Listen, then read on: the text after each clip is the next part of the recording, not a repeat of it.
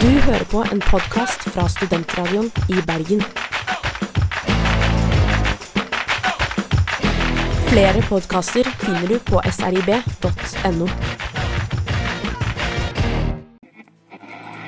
Наше сотрудничество в сфере энергетики с Казахстаном носит разные. à la longueur du dialogue que je viens d'avoir avec M. Poutine. Die Ruhe hat seit Jahr und Tag 新規国際発行額を減少させ 財政の健全化に向けた símbolo del fascismo en Sudamérica. मगर मुझे पाकिस्तान जाना है जमहूरियत की जद्दोजहद 7. oktober vant Colombias president Juan Manuel Santos Nobels fredspris for sitt arbeid med å skape fred i en nasjon preget av geriljakrig og store interne stridigheter. Det gikk ikke i veien for fredsavtalen, men er der lysere tid i sikte for Colombias president og hans befolkning? Det colombianske militæret og FARC-geriljaen har vært i væpnet konflikt i over 50 år. Men hvem er egentlig disse menneskene som slåss mot det colombianske militæret i den søramerikanske jungelen? Er det karteller og terrorister, eller er det vanlige folk som kjemper for rettferdighet? Hvor går egentlig veien videre for Colombia? Hva vil skje? Hvordan vil fremtiden til Colombia og dets folk se ut? Og er mulighetene for fred større nå enn før? Alt dette og mer til skal vi snakke om i dagens utenriksmagasin MIR, når vi tar for oss Colombia og de pågående konfliktene i en uroprega nasjon. I dagens studio er Håvard Lid og Thomas Hawks. Mitt navn er Daniel Gangeskar. Jeg skal lede dere trygt gjennom den neste timen. Mitt navn er Jørgen, og mens du sitter der og koser deg med det beste utenriksstoffet studentradioen har å tilby, sitter jeg i produsentboden og prøver å finne ut hva i all verden jeg skal gjøre med livet mitt. Som nevnt i introen er Colombia en nasjon prega av uro og prega av store flerkulturelle problem. Eh, og Håvard, la oss prøve å forstå Colombia som nasjon. Hva er det egentlig man sliter med? Colombia ble eh, uavhengig i 1819 eh, fra Spania, er ca. 47 millioner innbyggere og hele 68 språk og dialekter. Det er et utrolig multikulturelt samfunn satt sammen med enorme forskjeller, der du har rural, altså, urbane byer med store storbyer, og så har du veldig rurale landsbyer eh, med folk som lever i jungelen og i skogen i Colombia. For det er jo, det er jo enorme mengder her, og ser vi en ganske splitta befolkning i Colombia, Thomas? Eh, ja, absolutt. Både splitta på sosioøkonomiske skiller, da at noen er ekstremt rike, mens andre er ekstremt fattige. Og regionale Det er veldig sterke regionale mm, skillelinjer, da, hvor de regionale mm, identiteten er gjerne viktigere enn den colombianske identiteten. Så du kan se det, det, se det på som et land som har ekstremt store skillelinjer innad i landet, da. Eh, hvor tenker du at skoen trykker i størst mulig grad, eh, Håvard? Etter Colombia ble uavhengig, så måtte de selge en del av jorda si for å betjene gjeld. De hadde stor gjeld. Eh, det gjorde at veldig få kjøpte opp jorda, veldig få eide mye land, og det skapte store forskjeller. Så det ble ekstremt rike som eide landet til en stor del av befolkningen. Dette skapte en del eh, grobunn for misunnelse, for ønske om å eie eget land, eh, og der har vi den konflikten mellom da rike og fattige, mellom eh, byer og mellom det rurale. Men vi har jo flere ganger tidligere sett at man har gått uh, ut av å ha vært en koloni, og klart å bli en selvstendig nasjon, uten at nødvendigvis har ebba på samme måte. Men, men tror du at koloniseringa, har noe å si for et, en så splitta nasjon som Colombia er blitt? Jeg, jeg tror at eh, måten den avkoloniseringen ble håndtert på, har ført til eh, skapelsen av de skillelinjene, og at de ble så vedvarende som de ble. Eh, regjeringen eller Myndighetene brukte på 60-tallet et smutthull i eh, lovgivningen som ga de muligheten til å effektivisere landbruket, som de kalte det. Ikke på den måten eh, kommunisteffektivisering, men at de eh, lagde store, store eh, gårder. Uh, og 70% av alle gårdene på den tiden var denne type massive gårder. og Det gjorde at det tvang mange fattige bønder inn i byene, eller, som, eller de måtte jobbe som billig billig arbeidskraft på disse store gårdene. Og det ga veldig eh, Retorikken til kommunistene ble veldig eh, sterkt, eller godt mottatt da, blant disse fattige bøndene. Men når vi hører her, Håvard, om bønder som blir tvunget inn i byene for å være billig arbeidskraft, og man hører regjeringa som griper inn på den måten kolum colombianske regjeringa gjorde, er det rart at, at det er blitt et splitta folk?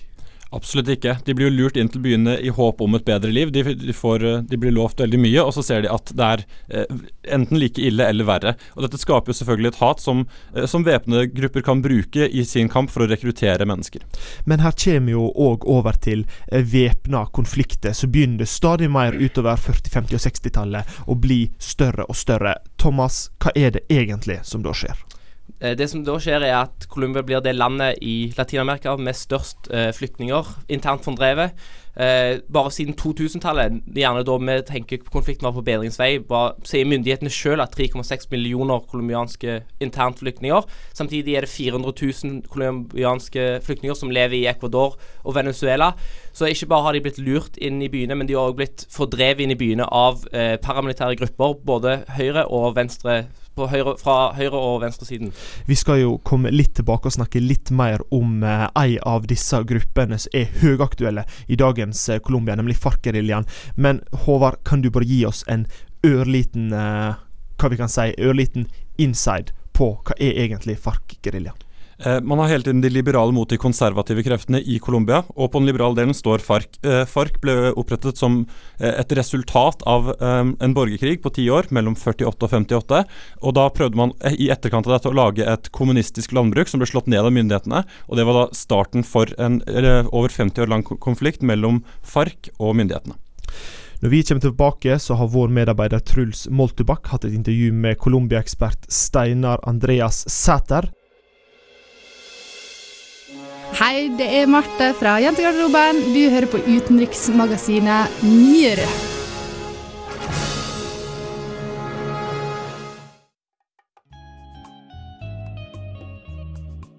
Steinar A. Sæter er førsteamanuensis i latinamerikansk historie ved Universitetet i Oslo.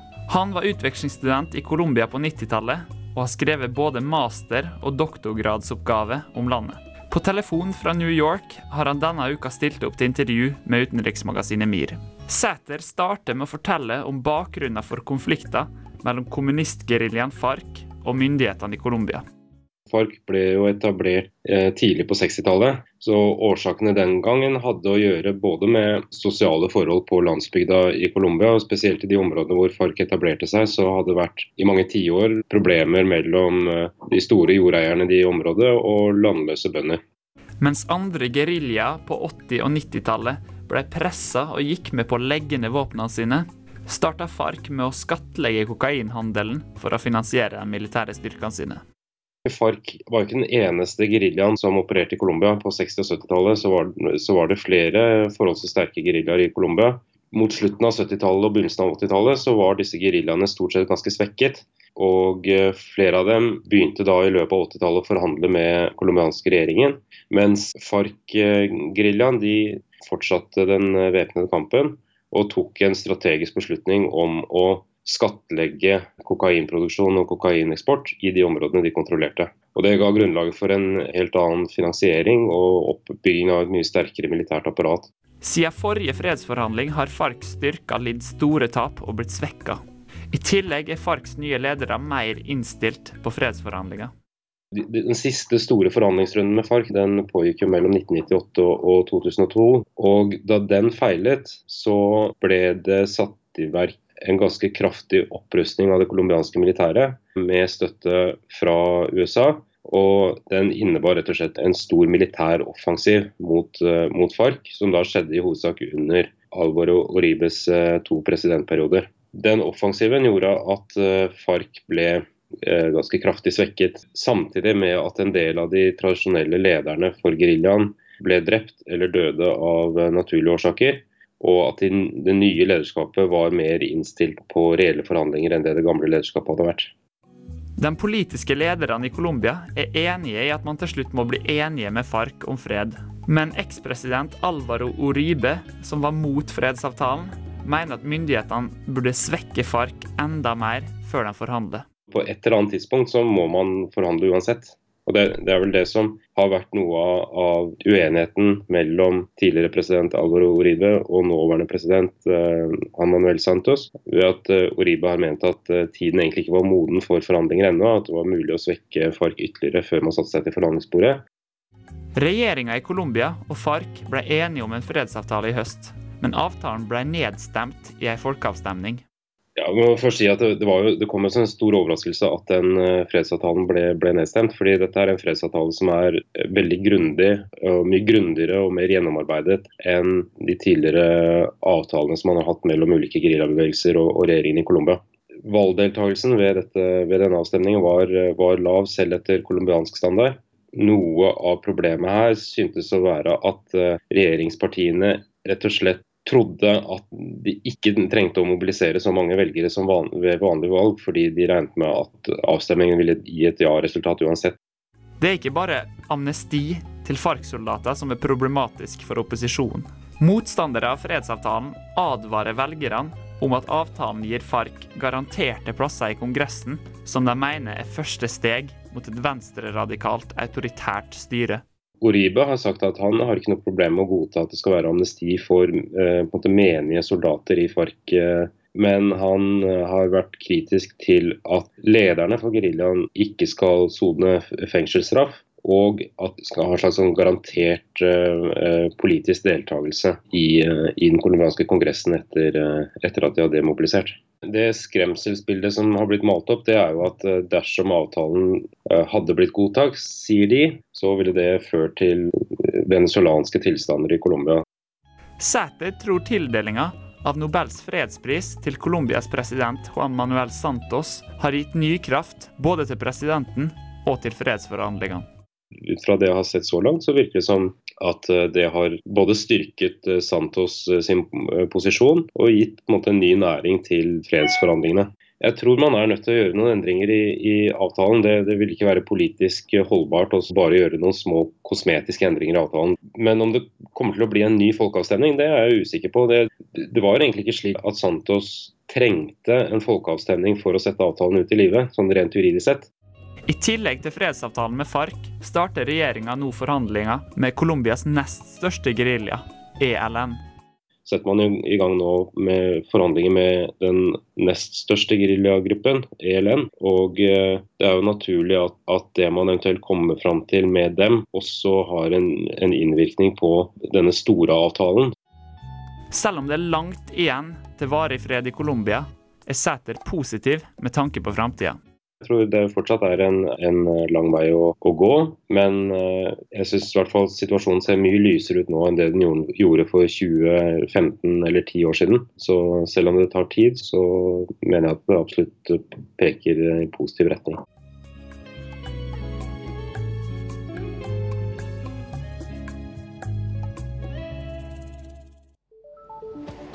Mitt navn er Jørgen. Jeg kommer fra Banalpolitikk. Og du hører på utenriksmagasinet MIR.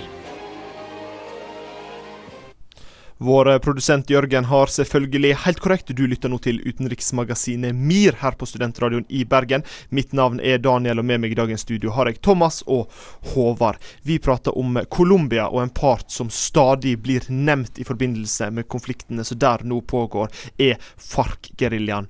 Håvard, gi oss et lite grunnlag for hva er egentlig FARC-geriljaen? Etter borgerkrigen i Colombia så ville kommunistpartiet starte et jordbrukskollektiv, sånn som man så i Sovjetunionen og Kina.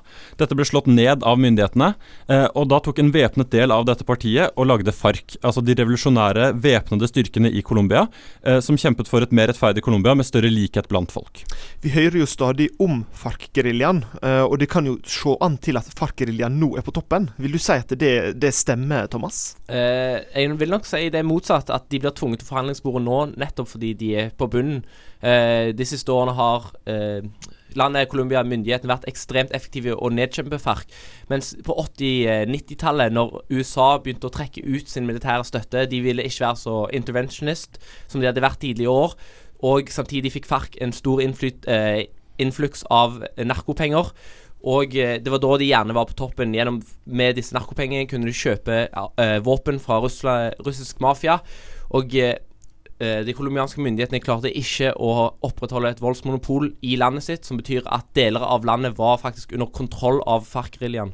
Det er jo veldig interessant eh, det du sier, at deler av landet var kontrollert av FARC-geriljaen en, en, liten periode. For eh, hvor var det man bevegde seg egentlig som, som en organisasjon?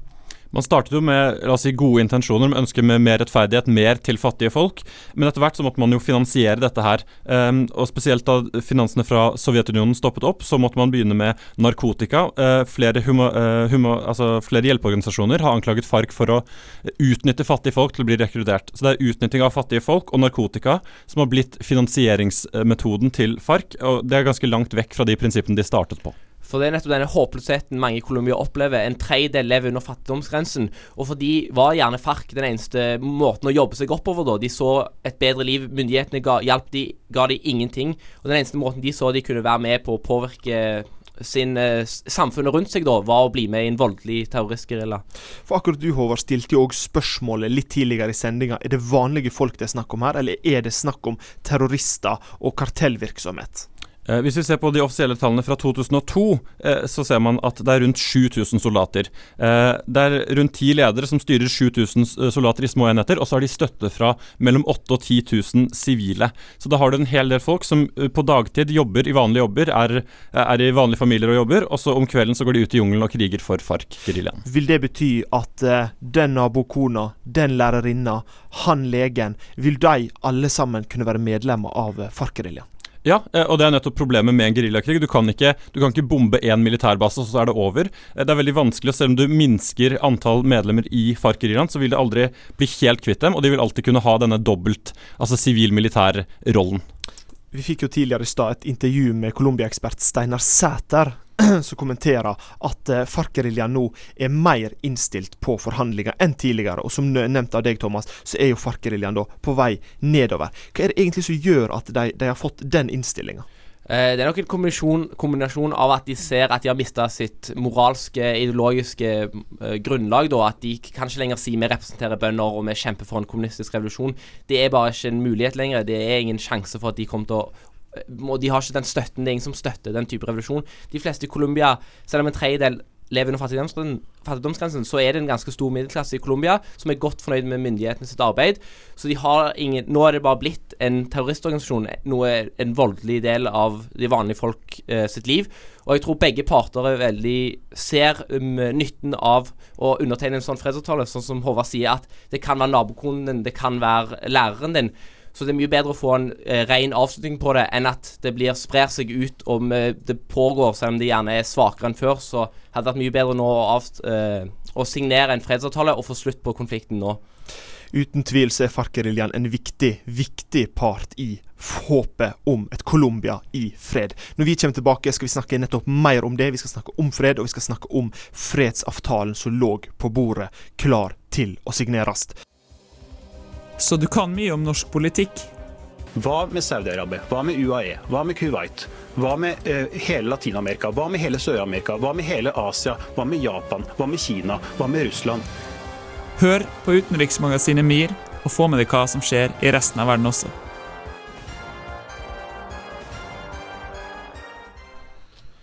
Oktober fikk Colombias president Juan Manuel Santos fredsprisen for hans arbeid i Colombia. Og Thomas, nøyaktig hvorfor fikk Santos fredsprisen? Han klarte å mekle fram en uh, freds... Uh, det som så ut til å bli en fredsavtale, som ble nedstemt av uh, folket. Men han fikk forhandla fram denne. I løpet av fire år brukte de på han. Og det var tidligere uhørt. Det har vært mange forsøk. Flere ganger har FARC vært med forhandlingsbordet, og så har det blitt brutt. Eh, og nå er han den første presidenten som har klart å faktisk få FARC til å godta en fredsavtale. Eh, eh, Ja, fordi det er sant det du sier, avtalen starta jo allerede i 2012. Eller forhandlingene til avtalen starta allerede i 2012. Eh, Men hva var det egentlig de forhandlingene ebba ut i, Håvard? Nei, du har, hatt- flere forsøk her. Um, opp gjennom 50 år så er det selvfølgelig flere forsøk på fred, men dette er jo det, det lengste de har kommet i en fredsavtale. De har kommet ganske langt, eh, men man, det endte jo da i en folkeavstemning man stemte nei til. Men partene var for så vidt enige om vilkår, selv om du kan diskutere disse. Eh, Hva vilkår er det mer konkret snakk om? Eh, blant annet så har du amnesti, eh, eh, om at man skal folk som har gjort forbrytelser i FARC, man ser på som terror, voldsbruk osv., at de skal gå fri, at de ikke skal få straff. En annen viktig del er at de skal bli garantert plasser i lovgivende forsamling, noe som da høyresiden mener vil skape et flertall til venstresiden i landet. Men altså, det høres jo fint ut med å ha fått på plass en, en fredsavtale, og ikke minst at man òg kan skaffe dem politisk påvirkning. Er du enig i det, Thomas?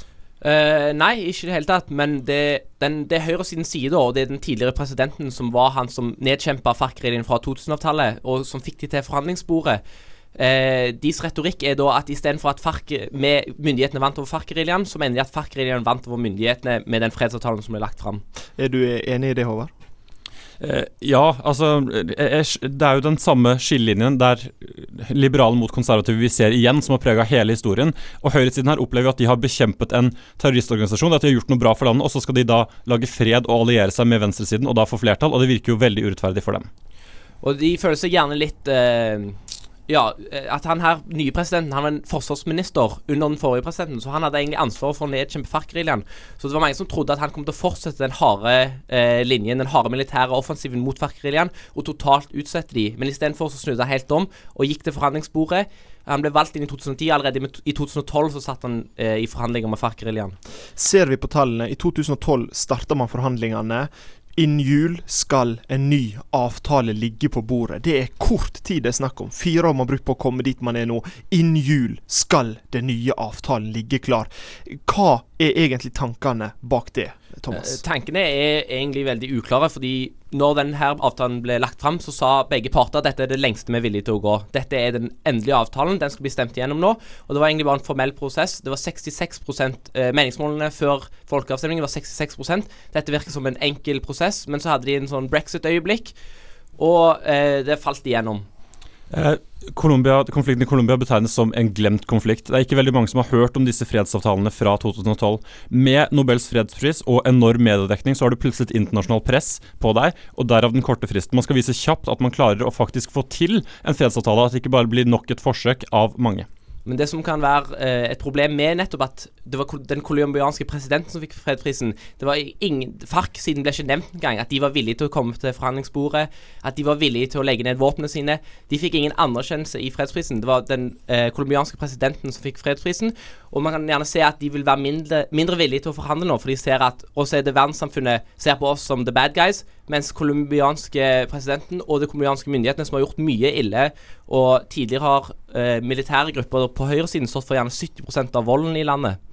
Men ser vi et fellestrekk i områdene som stemmer nei til en fredsavtale, Håvard? Det er ganske klare områder som stemmer uh, ja og nei. De som er mot fredsavtalen, det er de som er pro regjeringen, bor i store byer. Uh, kanskje ikke vært påvirket så mye av konflikten heller, men de er da veldig mot, uh, mot FARC-geriljaen, mens de opplever mer støtte i de rurale områdene på landsbygda. Og Der er det flere som ønsker fred, ønsker slutt på denne, denne krigen som har vart i 50 år, og ønsker at man skal gå videre. Ca. 34% avga stemme i folkeavstemninga, Thomas. Hva har det å bety for validiteten til eh, Eh, avtalen? Det betyr egentlig at de, den høyresiden var flinkest til å bare få folk ut og stemme. Uh, det betyr at vi vet egentlig ikke hva den offisielle meningen blant folket er. Fordi det var bare en tredjedel som gikk ut. Og eh, jeg tror det, hvis de vil holde enda en folkeavstemning som gjerne blir nødvendig for å få gjennom en fredsavtale, så det, er det fare for at det er enda færre som møter opp og stemmer. Som en hovedregel så har jo en folkeavstemning større legitimitet jo høyere oppslutning. Her ser vi en veldig lav oppslutning. Som det som mest sannsynlig skjer hvis man har en folkeavstemning om fire måneder, er at partene bare mobiliserer sine velgere. Man endrer ikke mye på avtalen. Man sier for at vi skal få gjennom dette, så må dere gå og stemme nå. Hva som skjer om fire måneder eller fire år, det skal vi se litt nærmere etterpå, når vi skal diskutere veien videre for Colombia, for Colombias president Juan Manuel Santos og for FARC-geriljaen. For instance, there are prejudices about the age at which people can begin a new career. I will not make age an issue of this campaign. I am not going to exploit my opponent's youth and inexperience. Det er aldri for sent å lære noe nytt. Utenriksmagasinet MIR hører du mellom 11 og 12 hver fredag på Studentradioen i Bergen. Velkommen tilbake til utenriksmagasinet MIR her på Studentradioen i Bergen. Vi har tidligere diskutert FARC-geriljaen, vi har tidligere diskutert fredsavtalen som ligger på bordet i Colombia.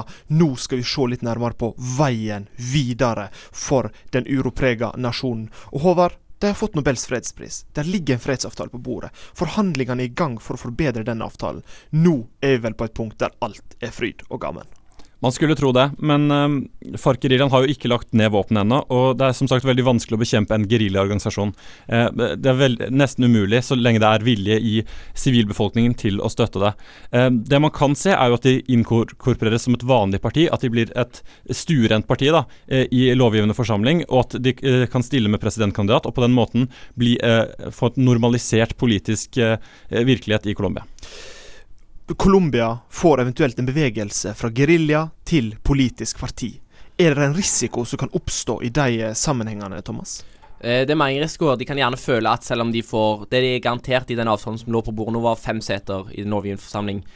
Eh, nå er jeg ikke helt sikker på hvordan systemet er satt opp, men det jeg tror er at det har absolutt null makt. De blir offentlige måte, representanter, men det de på bakken i FARC kan føle, er at dette gir oss absolutt ingen makt, og de har ingen interesse av å legge ned sine våpen. For vi snakker jo ikke kun om en ledelse som sitter i FARC, vi snakker òg om den menige mann, som vi var innom tidligere. Nabokona, lærerinna, fastlegen. Hva er det risikoen hvis de ikke vil, vil akseptere avtalen? Det er avgjørende at man ser eh, effekten av hvilken makt man har fått. Dersom de skulle sitte i mindretall, altså i opposisjon i lovgivende forsamling i mange år, og ikke får gjennom noe og blir overkjørt, så er det lett å ta til våpen igjen. Men hvis de ser at de får gjennomslag, at de kan kanskje støtte en president som eh, gjør tiltak som gjør situasjonen bedre på landsbygda, så vil det være mer motivasjon for å bevare freden. I 2006 så la den høyre eh, paramilitære gruppen ned våpnene sine i en lignende fredsavtale hvor de fikk amnesti og de fikk sletta det eh, onde de hadde gjort. De ble ikke straffa for det. Og det som skjedde da, var at store deler, egentlig alle, de aller fleste medlemmene av den gruppen, danna et kartell og ble en, et uh, drug-kartell. For det er jo det vi òg har diskutert litt tidligere. Her er jo mye mer enn kun en politisk interesse. Man driver jo òg narkotikavirksomhet, man driver kidnapping osv. Er det risikoen, Håvard, at Fark vil ende opp som det samme? Noen går over til politikken, mens andre går over til, eh, til narkotikasmugling? Man kan jo være optimist og tenke at dette bare er finansieringsmetoder for å oppnå militær og politisk innflytelse. Eh, at de vil slutte med narkotikahandel, kidnapping, voldsbruk hvis de blir et politisk parti, noe de nødvendigvis eh, må gjøre. Men de kan også se at det er en veldig stor inntekt, lettvint inntekt med narkotika. Eh, og det er vanskelig å omstille da 7000 soldater til plutselig å begynne å gjøre lov, lovlige ting, når det er så lettvint og så gode penger i narkotika. Det er nettopp det at hvis det er for lettvint å fortsette med narkohandel og eh, kidnappinger, så vil de fortsette med det. Så det er viktig her at de colombianske myndighetene er kjapt inne med Det er ikke nok med bare å bruke pennen her. Her må de inn med sverdet òg. Og de må ta over de områdene som er tidligere styrt av FARC. De må innføre politi, de må innføre lov og orden fort og effektivt, sånn at ikke andre grupper, sånn som vi så i Irak, når eh, USA eh, la ned hæren der, så går bare alle videre og danner ISIS. Og problemet blir egentlig bare større og verre, for det blir en mer voldelig ekstrem gruppe av den tidligere gruppen. Hvor stor kan vi kalkulere sjansene for at et voldsmonopol som Thomas her prater om, er mulig å få etablert i FARC-kontrollerte områder? Det er helt avgjørende at det er, sagt, at det er samarbeid fra FARC, at de blir et parti, men også at de opplever å få makt. Eh, I demokrati så må det være altså Alle må tåle å kunne tape et valg, kostnaden kan ikke bli for stor. Hvis de blir overkjørt av høyresiden på alle mulige punkter, så vil det ikke være mulig å opprettholde fred i landet. Noe vi gjerne glemmer i Europa, er geografien i dette landet. Det er store deler av landet som er helt øde, helt ubefolka. Jungel, eh, eh det er ikke veier. Så det er veldig store muligheter for denne type grupper å bare trekke seg tilbake, trekke seg inn i jungelen og fortsette med virksomheten sin. Og det er så, det er så, Geografien er rett og slett så vanskelig at det er nesten umulig, uansett hvor moderne og hvor mye penger og hvor mye vilje du har for å bekjempe de gruppene. Det lar seg rett og slett ikke gjøre. Men nå begynner jula å nærme seg. Hver dag går. Det blir raskere og raskere nærmere deadline. Hva du tror, Håvard? Vil man klare å få på plass en fredsavtale? Jeg håper det, og jeg håper også at internasjonalt press er med på å bidra til at partene er velvillige og svelger noen kameler og, og sier at ja, greit, vi kan ta den avtalen på tross av et par, eh, par ting de ikke liker. Vi får håpe på et julemirakel, alle som én. Mir var en sovjetisk romstasjon som i utgangspunktet var bygget for å vare tre år. Den varte til sammen 16 som sin navnebror strekker utenriksmagasinet MIR seg ekstra langt for å gi deg det beste utenriksstoffet. Den 2. oktober ble fredsavtalen mellom FARC og Colombias regjering nedstemt i et folkevalg. 50,2% av velgerne stemte nei til avtalen, som kunne ha avsluttet en 52 år lang borgerkrig. Den 297 sider lange avtalen skulle åpne for at geriljakrigerne skulle gi fra seg våpnene og bli til et politisk parti. Avtalen garanterte dem ti seter i landets kongress. Krigerne skulle òg få amnesti for deres forbrytelser, så lenge de tilsto dem. Geriljakrigerne, som var kjente for kidnapping, narkotikasmugling og mord, ville ha sluppet fengselsstraff mot å delta i å fjerne landminer, bygge opp ødelagt infrastruktur og hjelpe ofre for borgerkrigen. De ville også ha mottatt finansiell støtte fra regjeringen for å hjelpe dem tilbake til sivilsamfunnet. Men disse punktene i avtalen var ikke populære blant Colombias innbyggere. Over 7,9 millioner mennesker har vært ofre for borgerkrigen siden den start i 1964. Over 260 000 mennesker har tapt livet, og over 29 000 har blitt kidnappet. Er det da rettferdig at disse geriljakrigerne skal gå ustraffet? Det mente ikke over halvparten av Colombias befolkning. De mente at straffen krigeren skulle få, var for mild i forhold til forbrytelsen begått. Et annet punkt i avtalen som også var svært omdiskutert, var at FARC skulle få status som politisk parti. Mange mener at det er feil å belønne dem med status som politisk parti etter at de i over 50 år har terrorisert Colombias innbyggere. En fredsavtale er sårt ønsket av Colombias innbyggere og omverdenen. Men hvordan skal en fremtidig avtale bli godkjent hvis avtalen avkriminaliserer forbrytelsene FARC har begått? Må Colombias befolkning forsone seg med at forbrytelsene begått vil gå ustraffet? Mest sannsynlig ja. Det vil være svært vanskelig å få til en fredsavtale uten å gi amnesti til geriljakrigerne. FARC har tidligere sagt at de vil ha en garanti for at de blir gitt amnesti hvis de legger ned våpenet og påbegynner prosessen for fred. Forhandlingene har fortsatt, og både Colombias president Juan Manuel Santos og lederen for FARC, Rodrigo Londonio, har uttalt at freden vil seire. Mens noen jubler over at avtalen ble nedstemt, er andre dypt skuffet. Norge er et av landene som har spilt en sentral rolle som tilrettelegger for avtalen. Og rett etter folkeavstemningen uttalte tidligere utviklingsminister Heikki Holmås seg til VG og sa for alle som har vært hardest rammet i den lengstvarende borgerkrigen i Latin-Amerika, er dette en utrolig skuffelse. Uansett hvor kontroversielt amnestien er, ser det ut som dette er den eneste veien ut av borgerkrigen og inn i en fredsprosess. I mellomtiden er våpenhvilen mellom regjeringen og FARC utvidet til 31.12., og det forventes at en ny avtale skal være på plass før den tid. Så får vi se om Colombias befolkning er klare for å legge borgerkrigen bak seg. Hei, dette er forsvarsminister Ine Eriksen Søreide. Du hører på utenriksmagasinet MIR. Det har eh, forsvarsministeren helt rett i. Du lytter nå til utenriksmagasinet MIR her på Studentradioen i Bergen. Som alle gode ting så er dessverre vi òg kommet til veis ende denne sendinga her. Og Thomas, hva har vi prata om i dag? Uh, vi starta med de store problemstillingene Colombia står overfor, og så bevegte vi oss videre til FARC-geriljaen og dens konflikt med myndighetene i Colombia. Vi har sett på fredsforhandlingene som har resultert i en Nobels fredspris i år. Og vi har også sett på den mulige veien videre, der vi håper på at det skal bli en fredelig løsning innen jul. Vi fikk òg levert et intervju gjort med Colombia-ekspert Steinar Sæter, gjort av vår medarbeider Truls Moltubakk, og ukas kommentar levert av vår medarbeider Fridrikka Gudmundsdottir Støle. Du kan finne oss på sosiale medier. Vi er på Twitter, vi er på Facebook, vi er på Instagram. Vi vil gjerne høre hva dere mener om våre sendinger og våre saker, og gi oss tilbakemeldinger. Husk òg at dere kan finne denne sendinga og mange andre spennende tema som Island, framtidas krigføring og Venezuela på srib.no eller på iTunes. Det er òg mulig å gi oss en liten rating der. Så må vi få lov å takke vår kjære produsent Jørgen. Tusen takk for jobben du har gjort i dag. Så må jeg få takke dere som har vært i studio med meg, Håvard Lid og Tomax Hawks. Mitt navn er Daniel Gangeskar. Etter oss kommer Pluto Pop her på kanalen. Ha en fortsatt fantastisk helg. Du hører på en podkast fra Studentradioen i Bergen. Flere podkaster finner du på srib.no.